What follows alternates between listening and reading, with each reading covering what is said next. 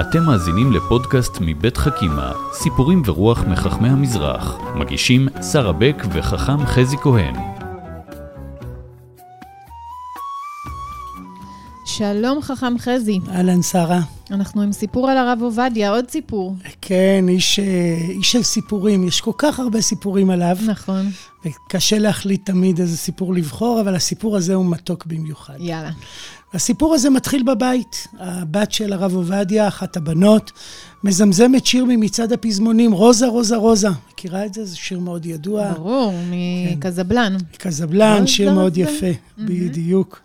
שיר מקסים, שמתוך הסרט, מחזמר, והאחים כועסים עליה מאוד. אומרים לה, מה זה, איזה שירים אלה? מה את אה, שרה שירים כאלה בבית? אני מדמיינת אותה עושה ספונג'ה יום שישי עם אה, רדיו, משהו כזה. כן, לא? אה, כן, אולי אפילו, אה, את יודעת, מצעד הפזמונים לצורך העניין. והיא מזמזמת שיר מאוד אהוב, מאוד קליט, מקסים כזה, והאחים מאוד מאוד כועסים.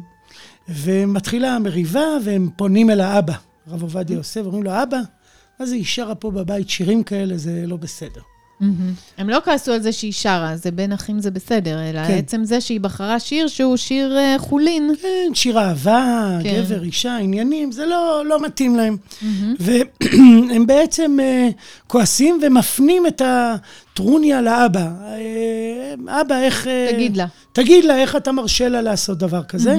והרב עובדיה לא מגיב. שומע ואומר, בסדר גמור, וזהו, בזה זה נגמר. ואז הם אה, שבת, הולכים לבית הכנסת, והרב עובדיה פעמים רבות שימש חזן. אה, אני חושב שתמיד אה, יש חזנים שקולם יפה, ויש חזנים שכולם יפה, כשהקול שבהם, היופי, תלמיד חכם עצום, מתחזן, יש בזה משהו מרגש. והחבר'ה חוזרים מהתפילה, והבנים נכנסים בסערה וצועקים אל האחות, ראית מה עשית? ראית מה עשית? איי, איי. היא לא מבינה על מה מדובר, היא לא הייתה שם. ואז הוא מה קרה? אז אבא חיזן את אחד הקטעים בתפילה במנגינה של רוזה רוזה. רוזה, רוזה, רוזה. איך- איך זה הרב עובדיה.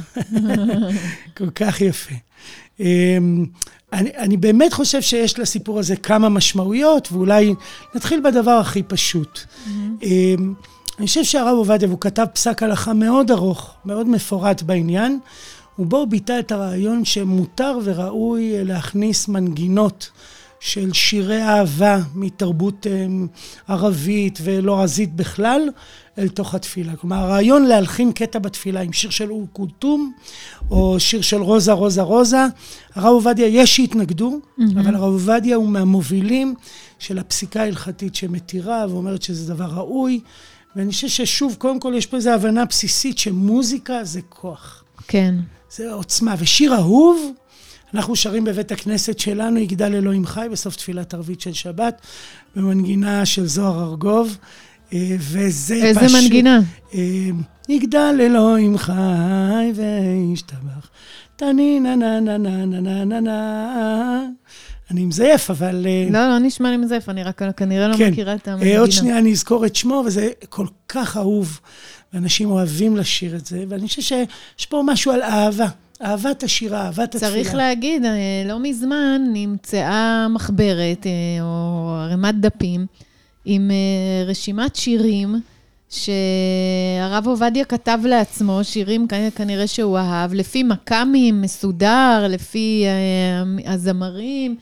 אה, אה, כן, כולל שירים של אום כולתום, הוא, הוא אהב את זה והוא אה, האזין. הוא, הוא עשה קטלוג בעצם של שירים, יומן קטלוגי, כל כך מתאים לרב עובדיה לסדר להיות הכל. מסודר. ובאמת הוא מאוד אהב שירה ערבית, במיוחד את אום כולתום, וחכם דוד מנחם מספר שפעם הוא השאיל לו קלטת של אום כולתום, והרב עובדיה אומר לו, אני לא מחזיר. אני לא מחזיר, תעשה מה שאתה רוצה, אני לא מחזיר.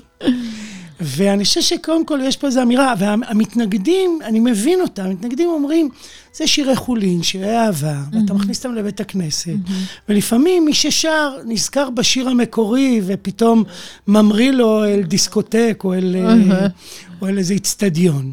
והרב עובדיה, באמת מהמובילים, הוא לא היחיד, של דווקא להכניס את זה. משום שהתורה והתפילה צריכה להיות חלק מהחיים. ואם יש מנגינה שנוגעת בנו, ואתה יכול לראות את זה גם בניגונים חסידיים מאוד בולט, כן. שרבים מהם הם בעצם מרשים צבאיים ומנגינות ידועות, אבל גם mm-hmm. בתרבות המזרחית זה מאוד נפוץ. רבי ישראל נג'ארה עשה את זה בצורה מאוד מאוד דרמטית, mm-hmm. עם מנגינות טורקיות. והרבה פעמים ליד פיוט כתוב באיזה שיר ערבי mm-hmm. לשיר. ואני חושב שיש פה עוד משהו בסיפור שבעיניי הוא מאוד נוגע, וזה בעצם, הוא לא מבקר את הבת שלו, אבל הוא גם לא אומר לה, לא, תשאירי מה שאת רוצה, הוא מנסה לחשוב איך לוקחים את המנגינה היפה הזאת ועושים איתה משהו. אה, יפה. הוא, הוא ביניהם, הוא, הוא, הוא לא גוער בה, אבל הוא גם לא אומר, זה בסדר, תשאירי שיר. בואו נעשה פה דיסקוטק בבית. כן, לא, אבל הוא, הוא שואל... הוא מגייר את השיר לצורך העניין. מגייר. עכשיו, אני אומר לעצמי, בשביל לקחת מנגינה, mm-hmm. ולשיר איתה בבית הכנסת, קדיש או קטע, אתה צריך להכיר אותה טוב. Mm-hmm.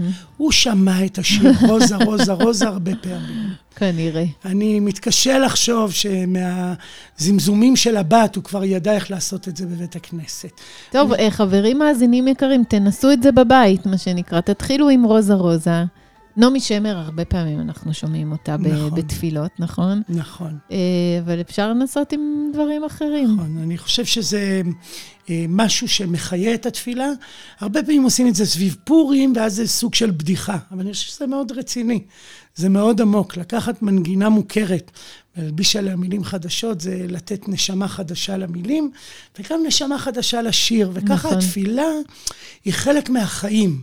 היא, היא באמת קורית במרחב אחר, אבל, אבל הוא לא מנותק מהעולם, הוא לא מנותק מהעולם שבו אתה נמצא, ושיר יפה פתאום הופך להיות מנגינה של בית כנסת, וזה בעיניי דבר נפלא. אתה יודע איזה שיר עובד עם כל מנגינה שהיא? איזה? איזה פיוט? דרור יקרא. באמת? אבל כן. באיזה מנגינה דרור יקרא? לא משנה איזה מנגינה שאתה אוהב, רוזה עובד. רוזה, מה שאתה תיקח, זה עובד עם דרור יקרא. תנסה את זה בבית, מה שנקרא. אני אנסה. חכם חזי כהן, תודה רבה שהבאת לנו את הסיפור היפה הזה. תודה, שרה, להתראות.